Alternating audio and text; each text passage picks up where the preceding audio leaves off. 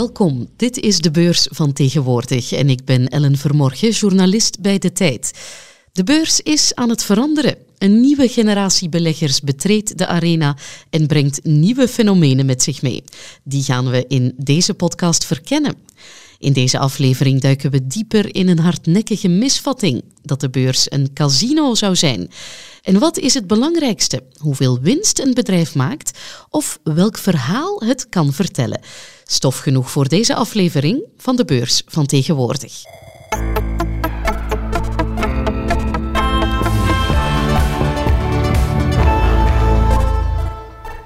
Ik zit hier gelukkig niet alleen om deze podcast te hosten. Om mij te helpen in deze aflevering zit hier mijn collega-journalist Bas van der Hout. 30 jaar en een fervent vlogger met zijn wekelijkse beursvlog Bol, Bear en Bas. Ja, Bas, uh, ja, jouw leeftijd uh, zou jou kunnen categoriseren zeg maar, in die nieuwe generatie beleggers. Reken jij jouzelf tot uh, ja, die nieuwe generatie beleggers? Um, nou ja, het is natuurlijk uh, met, met de nieuwe generatie beleggers, die noemen we dan Robin Hood. Ja, ze hebben een verzamelnaam, hè? Dus... Ja, ze hebben een naam. Uh, dat, is op, op, dat komt door de beleggingsapp in Amerika, die heel populair is. Uh, dat, die heet Robin Hood. Dat is een, een trading app. En ja, het, dus wij noemen de nieuwe generatie beleggers Robin Hood. En nou, daar moet je natuurlijk altijd een beetje mee uitkijken. Want dat is een beetje een stereotype. Hè? Dus je bepaalde patronen in een groep. En uh, nou, daar komt dan een persoontje uit naar boven en dat noemen we dan de Robin Hood.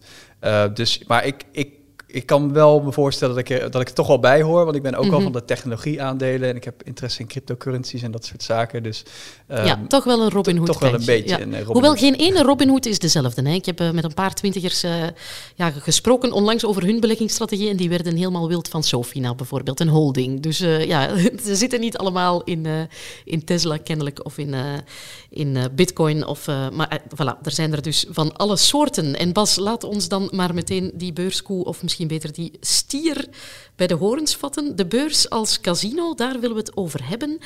Um, ja, en ik, ik snap die vergelijking wel een beetje. Uh, ja, er zijn enkele dingen die terugkomen. En ik heb daarover gepraat met Charlotte van Brabander, een jonge vrouw van 31. En zij heeft, net als jij, een beursvlog op YouTube. Slim Sparen heet haar vlog. En zij zit dus sinds kort eigenlijk helemaal mee in die beurswereld, hoewel ze uit een heel andere wereld komt. Zij was professioneel pokerspeler, jawel. En zij houdt er daardoor de volgende filosofie over beleggen op na. Dus ik ben Charlotte. Um, ik ben eigenlijk fulltime HR-consultant. Ik heb heel lang uh, de passie gehad uh, om te pokeren. Ik heb heel veel poker gespeeld in mijn leven, um, overal ter wereld een beetje. En het is eigenlijk ook een spel waar dat de diepgang, waar dat er zoveel diepte in zit. Nu, um, ik las onlangs een boek waarin dat er gesteld werd dat pokerspelers een van de betere beleggers zouden zijn. En ik denk dat dat wel kan kloppen. Vooral door het feit dat een van de zwaarste onderschatte facetten van beleggen voor mij nog altijd die continue psychologische strijd met jezelf is. En goede pokerspelers hebben echt wel een, een heel grote stap daarin voor, omdat wij echt wel risico's hebben leren nemen. En wij zijn ook iets minder risicoavers. En wat bedoel ik daarmee? Um, als, je, als je poker speelt, moet je heel veel risico's aangaan. Moet durven um, je moet durven bluffen. Maar je doet dat altijd berekenen. Allee, met, op een berekende manier met incomplete informatie. Dus dat is eigenlijk te vergelijken met de beurs. Op de beurs is er ook heel veel incomplete informatie. Je beschikt niet over alle middelen om altijd de juiste beslissing te nemen. Maar wij als pokerspelers kunnen wel bij elke beslissing die we maken de juiste risk-reward tegenover elkaar zetten. En te gaan kijken van oké, als ik dit nu doe, wat is het risico dat daarmee gebonden gaat? En wat is de eventuele winst die daarbij ja, wordt opgeleverd? Een interessante analogie hier van Charlotte. Er zit uh, ja, toch wel een, een, kern van waarheid in. Laat ons het daar even over hebben, Bas. Dus die psychologische strijd uh, waar Charlotte het over heeft, moet je, zoals zij zegt, ja, echt leren risico nemen? Uh, nou, het hangt er een beetje van af ja, hoe je belegt, zou ik zeggen. Maar als je aan stockpicking doet, zoals we het noemen, dan het kopen van individuele aandelen mm-hmm. om dat je ze zelf allemaal gaat uitkiezen, hè? dat je zelf het heft in handen neemt. Ja, ja precies. En dat je denkt van, nou, dat vind ik een goed aandeel en dat, dat wil ik kopen. Uh, dan, dus bij poker uh, krijg je normaal een hand. dus een aantal kaarten. En je berekent door middel van statistiek eigenlijk, als je het goed wil doen, dan reken je de waarde van je hand. en die probeer je zo duur mogelijk te verkopen, zou ik maar zeggen. Uh, en bij uh, aandelen krijg je natuurlijk niet random een aandeel. Alleen je kiest een aandeel waar je geïnteresseerd in bent of wat je interessant vindt. mogelijk groot kan worden in de toekomst bijvoorbeeld. En vervolgens ga je de waarde eigenlijk van het aandeel proberen te berekenen. en dat, dat kun je ja, op basis van meerdere manieren doen. Doe op basis van de cijfers van het bedrijf. En nou, dan ga je kijken van oké, ik heb een waarde. Stel, ik ik vind van een bepaald aandeel dat het 40 euro waard is. Nou, als ik dan zie dat het in de markt uh, staat voor uh, eh, 20 euro, ja, dan zou ik het moeten kopen. Mhm. en zodra het dan weer te duur wordt, hè, dus als het boven de 40 komt, bijvoorbeeld op 60 euro of zo, dan zou ik het weer uh, verkopen. dus je moet goed je huiswerk doen, zodat je ongeveer weet wat je voor dat aandeel wil betalen. Ja, want dat is wat Charlotte ook zegt, denk ik. Je hebt de incomplete informatie, geldt voor de beurs zeker ook. Hè. Je, je hebt nooit het volledige plaatje. Um, maar ja, dan gaat het, komt het erop aan om juist uh, ja, dat plaatje zo volledig mogelijk te maken en op basis daarvan dan de juiste uh, risico-inschatting uh, te maken. Um, allee, of dat is toch, denk ik, dan het, ja, het positieve beurs ja, dat je ook in een casino ziet.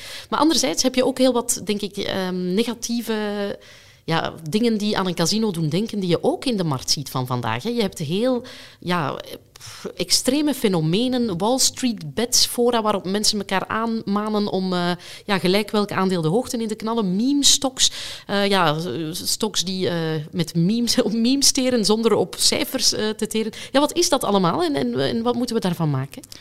Uh, nou ja, het, ding is natuurlijk, uh, dat is een beetje door de eeuwen heen, denk ik, dat mensen toch over het algemeen weinig geduld hebben. Mhm. Ehm, en uh, iedereen is, dat ik zeggen, de meeste mensen zijn wel geïnteresseerd in snel geld verdienen. Hè? Dus daar zie je ook heel veel op YouTube hè, van filmpjes waarin wordt gezegd, ja, maak van je jaarinkomen een maandinkomen. En dat kun je doen door te traden. En um, nou, hè, dus er zijn een heleboel mensen die dat willen verkopen. En ja, daar is dus ook wel vraag naar, omdat ja, gewoon veel mensen snel geld willen verdienen. Um, en een ander ding wat ze inderdaad nu doen, is dat, uh, dat, dat men op forums bij elkaar komt. Hè, Maar mhm. ook Facebookgroepen. Uh, en ook natuurlijk dat, dat Reddit-forum, uh, Wall Street Bets. in Amerika is dat. En dan roepen ze elkaar op om collectief bepaalde aandelen aan te kopen. Ja, aandelen die fundamenteel eigenlijk niet veel waard zijn. Dan. Daar, daar gaat het er niet om. Hè? Het gaat ja, wat is de motivatie dan van die groepenleggers? Uh, nou, bijvoorbeeld bij het aandeel GameStop. Uh, daar had je dat. Uh, GameStop werd heel erg geshort door uh, grote uh, beleggingsfondsen, hefboomfondsen. Ja, shorten moet je nog eens, uh, ja, zeker. Dus shorten, dat is dat als ik van jou een aandeel GameStop leen en ik zeg ik beloof je dat over, ik noem maar wat, een maand terug te geven of zo, um, dan verkoop ik dat nu op de markt, bijvoorbeeld voor 20 dollar. En ik hoop dat het aandeel zakt. Want als het naar 10 dollar zakt, dan koop ik het gewoon weer terug. Ik geef jou dat aandeel terug, maar ik heb wel 10 euro winst gemaakt. Ik heb voor 20 euro verkocht, 10 euro, of 20 dollar verkocht, 10 euro uh, heb ik het ingekocht. Ehm, en zo kun je winst maken. Nou, het, zij maken dus winst op, het, op een dalende beurskoers. De shorts hopen dat het aandeel het slecht gaat doen. Nou, en op Wall Street Bets hebben ze dus met elkaar gezegd van... oké, we gaan dat heel erg shorte aandeel, dat GameStop... gaan we met z'n allen kopen. En vervolgens creëer je daarmee een zogenaamde short squeeze. Nou, wat is dat dan? Uh, nou, als iedereen dat aandeel begint te kopen, dan gaat die koers omhoog dus op een gegeven moment komt die, ik heb hem voor 20 euro verkocht. Vervolgens zie ik, oeh, dat aandeel komt op, uh, op 40. 40 dollar. En vervolgens stijgt het nog harder naar 80 dollar, omdat iedereen dat opkoopt. En op een gegeven moment zie ik mijn verlies heel hard oplopen. En moet ik mijn positie sluiten. Nou, en als mensen dus massaal die posities gaan sluiten, wat dus gebeurde bij hefboomfondsen, van die grote fondsen, uh, ja, dan, dan krijg je zo zeggen, nog een koopgolf. En dan schiet dat aandeel de hoogte in. Dus GameStop is gigantisch in waarde gestegen. En uh, ja, dat is opvallend, want dat is een, ja, een groep particuliere beleggers. Mhm. Heeft dus grote hefboomfondsen. Ja, het is toch een beetje power to the people. Dat je met de kracht van het getal zoiets kan doen. En, en dan die hefboomfondsen. En naar ik begrijp, grote instituties op Wall Street daar toch wel mee uh, ja, een hak kan zetten. Dat is uh, denk ik toch ook wel een nieuw fenomeen. Maar niet zo, absoluut niet zonder, zonder risico. Hè. Want ja, als je dat zonder voorbereiding gaat doen, ja, kan het erg gevaarlijk worden. Daar gaan we het zo meteen even over, over hebben na dit.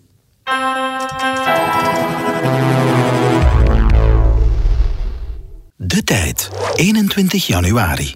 60% van de grootsteden overweegt om binnenstad autovrij te maken. Zowel Antwerpen, Gent... 6 seconden. Na zes seconden al stopte Alex met het lezen van de tijd. Meer had hij niet nodig om aandelen te kopen van de grootste elektrische fietsenfabrikant. Deze aha-momenten die willen we bij de tijd blijven opwekken. Dus leg ons gerust al na 6 seconden weg. Zolang u daardoor maar voorsprong neemt. Neem voorsprong. De tijd.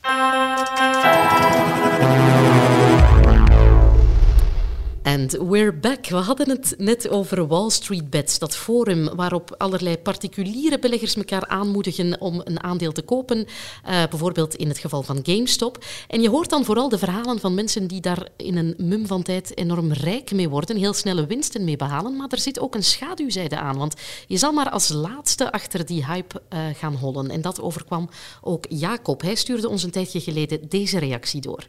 Ik ben Jacob, 26 jaar en ik heb op aanraden van een vriend geld in games opgestoken, uh, maar ik ben intussen de helft van mijn inleg kwijt. Mijn eerste ervaring met de beurs was dus heel negatief. Uh, mij lijkt het gewoon uh, een casino waar ze, waar ze dure woorden gebruiken. Een casino met dure woorden, zegt Jacob. Ja, dat is toch bijzonder jammer, denk ik, dat dit dan voor een jonge kerel zo de eerste kennismaking met de beurs ja, moet zijn. En je hebt het net ook al gezegd, Bas, er worden, ja, er worden wel echt gouden bergen voorgespiegeld aan die jonge mensen op deze manier.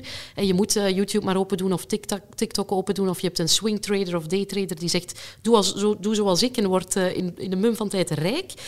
Um, maar ja, wat wij hier nu willen aantonen is dat dat net niet de bedoeling is, hè, de beurs als een casino. Uh, wat, wat kunnen we Jacob meegeven? Hoe kan die wel de beurs gebruiken als spaarmiddel zonder dat hij uh, ja, zo hard op de blaren moet zitten? Ja, nou, dus het, um, het, het, ding is eigenlijk dat als je in een casino uh, lang blijft, uh, dan verlies je steeds meer. Hè, want het huis uh, verdient, aan, ja, verdient aan jou. Die moet natuurlijk mm -hmm. ook eten en drinken. En, dus hoe langer je in een casino blijft, hoe meer geld je verliest. bij de beurs is het eigenlijk andersom. Hoe langer je op de beurs blijft, hoe meer je verdient. Hè? Uh, dus het is de bedoeling dat je uh, aandelen koopt, hè? het liefst heel erg gespreid. Hè? Dus uh, ja, bijvoorbeeld meer dan de helft van je portefeuille in fondsen stoppen, beleggingsfondsen mm -hmm. of trackers die bijvoorbeeld de S&P 500-index in Amerika volgen. Dat zijn de 500 grootste beursbedrijven in Amerika. dan zit je heel goed gespreid. Ja, dus dan weet je als er één bedrijf failliet gaat of zo, dat je niet al je geld kwijt bent.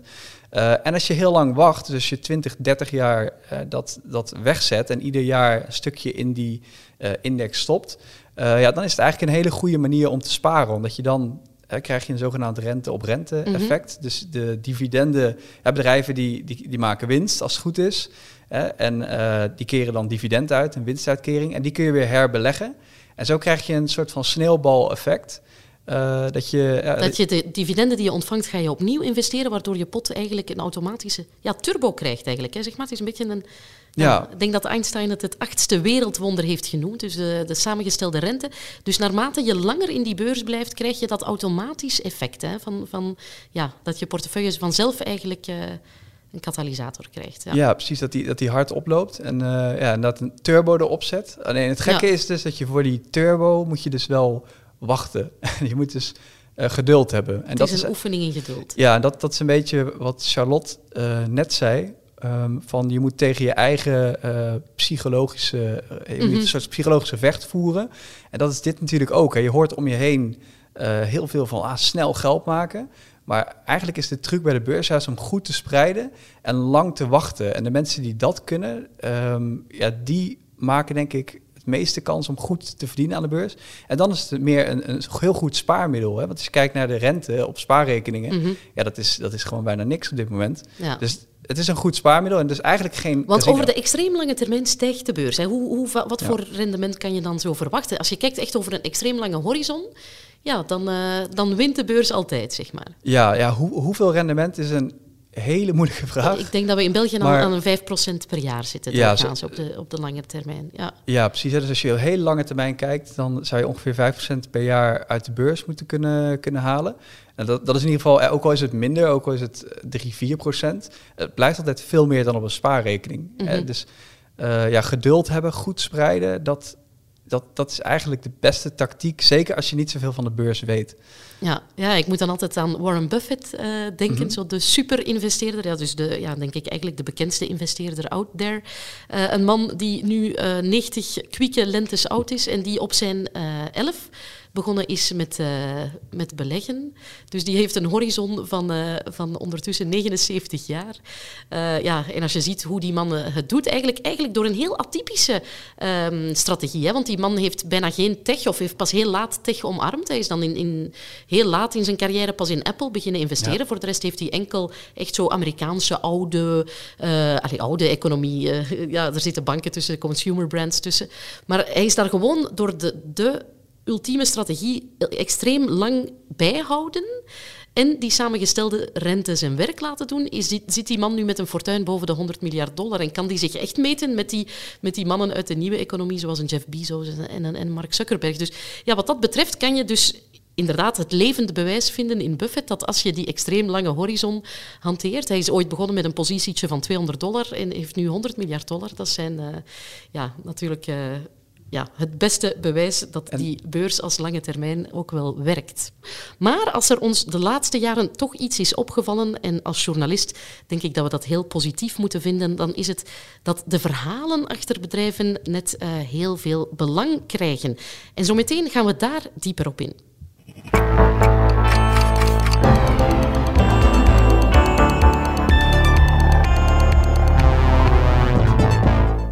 Verhalen, daar willen we het nu dus over hebben. En jij en ik, wij leven daar eigenlijk van, Bas, van het vertellen van verhalen. Dat is één ding. Maar ook de beurs drijft er voor een groot deel op. En dat is ook uh, Kevin niet ontgaan. Hij stuurde ons deze vraag in. Hallo, ik ben Kevin, 25 jaar. Veel van mijn vrienden beleggen in Tesla en hebben daar wel al wat winst mee kunnen boeken. Ik vind het gewoon moeilijk om in dat soort verhalen mee te stappen. Als ik naar de cijfers kijk, zie ik op dit moment weinig reden waarom Tesla zoveel waard zou zijn. Ja, Kevin, inderdaad. Het narratief versus de waardering, denk ik dat we hier zitten. Hè? Kevin die zich toch wel vragen stelt bij hoe, ja, hoe duur kan zoiets worden? Uh, bijvoorbeeld met name Tesla. Hè? Dan heb je inderdaad heel hard dat gewicht tussen... Het is een schitterend verhaal, maar het is ook wel erg, erg duur als je naar de, ja, de absolute cijfers kijkt. Hoe moet je dat uh, interpreteren? Um, ja, dat, is eigenlijk een beetje een, uh, een, een, clash die nu plaatsvindt tussen de, aan de ene kant de, de oude, oudere beleggers en de jongere beleggers, hè, dus de Robin Hoods. En de, ja, de oudere beleggers die zeggen van ja, kijk, Tesla, hè, toen het bijvoorbeeld een, waardering had van 400 keer de winst, ja, die zeiden van ja, op basis van de cijfers, dus als je naar de ratio's kijkt, zoals de koers-winstverhouding, ja, is 400 keer de winst echt belachelijk dat je dat voor een bedrijf betaalt. Mhm. eh, terwijl de jonge generatie zegt van ja, nee, maar ik denk dat Tesla de toekomst wordt. Uh, ik denk dat het een heel groot bedrijf wordt in de toekomst, of een heel groot energiebedrijf, dat ze de automarkt over gaan nemen. En eh, zij zeggen van ja, het maakt me niet uit hoe duur het is. Ik wil, ik wil gewoon dat hebben. Ik wil onderdeel zijn van dat uh, verhaal. En um, ja, dus dat, dat is eigenlijk een beetje aan de hand. En het verhaal. En denk je dat die twee hand in hand kunnen passen? Want je ziet inderdaad van, je hebt enerzijds die, die beursmeetstokken die we allemaal ja, dienen te volgen. En je gaat kijken naar hoeveel is een bedrijf nu waard als je afgaat op de koers versus de winst, op de koers versus de verwachte winst, op de koers versus de boekwaarde, de omzet. En kan dat, ja, moeten we dat allemaal overboord gooien dan in, in, in de beurs van tegenwoordig? Of, of, of, kunnen we dat, moeten we dat ook meenemen en in een soort mengvorm brengen ja, met dat verhaal? Hoe kunnen we dat doen? Uh, ja, het is, het is ook niet dat een van de twee groepen ongelijk heeft of zo. Um, of, of gelijk. Het is gewoon, ze hebben alle twee een punt. Het is aan de ene kant, de oude beleggers zeggen terecht van ja, je kunt niet oneindig veel voor een aandeel betalen. Dat is ook voor Tesla. Mhm. Ja, Tesla kan ook gewoon te duur worden. Hè? En, eh, maar aan de andere kant is het wel zo dat het verhaal rond het bedrijf wel belangrijk is. Als je bijvoorbeeld kijkt naar Apple. tien jaar geleden vonden we Apple ook redelijk duur geprijsd op bepaalde momenten. Maar ja, als je nu gaat kijken, als je toen had gekocht, ja, dan heb je nog steeds een goede zaak uh, gedaan. Hè? Dus het, mensen die voorspelden, die zeiden van ja, ik denk dat Apple de toekomst wordt, omdat, ja, omdat ze dachten dat, dat ze de beste smartphone hadden bijvoorbeeld.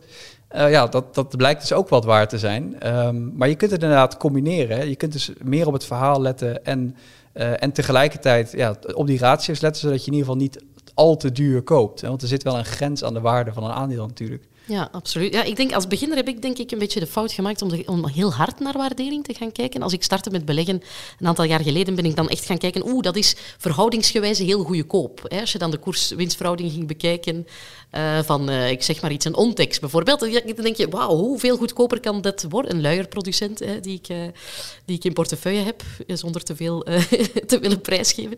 Maar waar ik dan van zei van, kijk, dat lijkt me nu echt wel te goedkoop voor woorden, maar dan bleek dat toch nog wel lager te kunnen. Ik denk dat ik zelf het verhaal altijd een beetje heb afgedaan als minder ja, minder belangrijk. Ik, ik, weet, ik herinner mij nog discussies met jou als we allebei pas bij de tijd werkten en dat Tesla nog een stuk goedkoper was. En dat ik zei, Bas, dat is toch veel te duur, dat moet je toch niet meer... Dat is nu toch al veel te duur. En daarna heeft het nog een geweldige run gehad. En dat jij mij altijd zei, nee, uh, het is toch wel ergens ja, dat spanningsveld uh, dat er een beetje in zit. En waarvoor beleggers nu dus eigenlijk die twee mee ja, in de weegschaal moeten leggen. Ja, het, het, kan ook wel eens helpen om te kijken hoe een verhaal bijvoorbeeld verandert. Mhm. ja, dus als je eh, bij, bij, bij ontekst kun je natuurlijk ook ineens verhaalverandering krijgen, maar bijvoorbeeld bij Kinepolis was uh, het, toen er eigenlijk nog geen uitzicht was op een, vaccin, uh, was eigenlijk het idee van ja, die hebben hier mega veel last van. Mm Dus dat verhaal was heel slecht. Toen werd het aandeel heel erg uh, gedumpt, heeft heel erg last gehad. En dat verhaal, dat zou nu dan, dat, dat zou op een bepaald punt kunnen kantelen.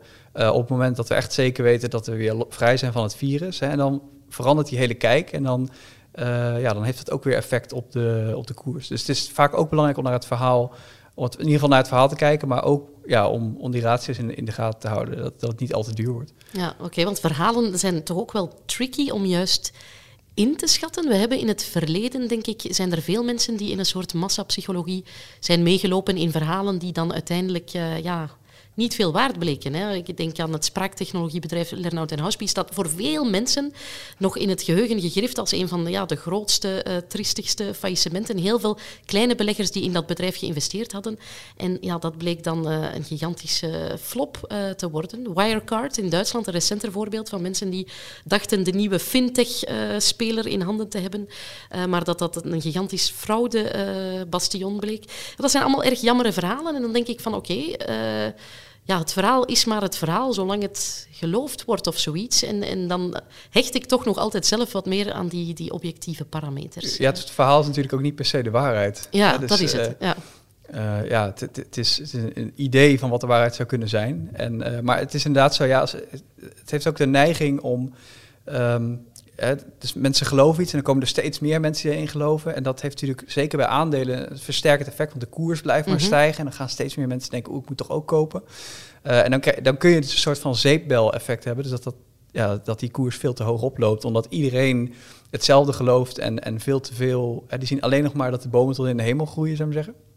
En uh, ja, als je dus de ratio dan helemaal uit het oog verliest, dan kun je toch ook bedrogen uitkomen. Want ja, ook Tesla kan te duur zijn. Het dus mm -hmm. kan een heel mooi bedrijf zijn, maar uh, als, uh, als in de toekomst blijkt dat ze toch net niet, niemand weet hoe de toekomst eruit gaan zien. Uh, ja. gaat zien. ja, en dat is het bijzondere, denk ik, ook aan zeepbelvorming, wat dat jij zegt. Je zou denken, we hebben dat in de geschiedenis al een heel aantal keer meegemaakt. Ja. Uh, dat er bubbels in die markt zaten. Ik denk eind jaren negentig het meest typerende voorbeeld. Ik was toen nog een jonkie van een tiener, ik denk 16, 17 jaar. En dat er, dat er gigantisch opgeklopte waarderingen waren voor techbedrijven. Er noteerde toen quasi alles. Je kon zelfs je individuele gsm naar de beurs brengen, bij wijze van spreken. En dat werd gekocht. Dus het, hoefde, het moest maar tech zijn of internet zijn. En mensen holden daar zoals gekken achterna.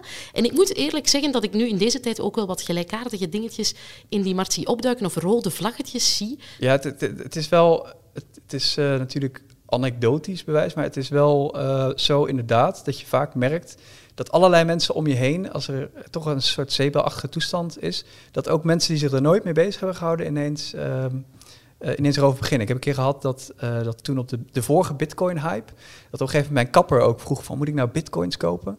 En uh, dan zie je toch wel van, als zoveel mensen erin geïnteresseerd zijn... Um, ja, dat is een teken aan de wand, zeg je. En reden te meer dan, omdat die zeebellen er zijn, reden te meer om je tegen die schommelingen dan te wapenen door een extreem lange horizon op ja. de beurs te hanteren. Hè. Ik denk dat we dan een beetje terug bij het startpunt zijn van deze aflevering. Uh, dus we hebben ja, gesproken over ja, heel belangrijke trends uh, in die nieuwe beurs van tegenwoordig. Misschien moeten we ze nog eens even samenvatten. Dus we, we kunnen erover eens zijn, de beurs heeft casino-achtige aspecten, maar je kan alleen het huis kloppen als je er voor de extreem lange termijn in zit. En dat je dan ook ja, gaat spreiden en oog hebt voor diversificatie. Ja.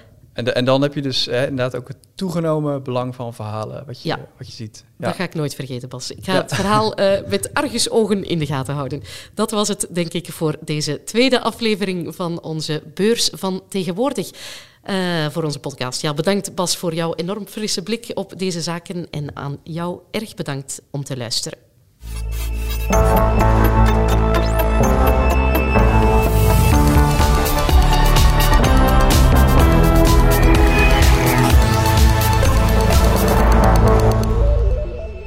In de volgende aflevering van de beurs van tegenwoordig. De opmars van passief beleggen via indextrekkers. Kan jij als belegger de markt verslaan? Of zijn we gedoemd om slaafs een beursindex te volgen? Abonneer je op de feed van deze podcast en volg intussen al het beursnieuws via de Marten Live pagina van tijd.be.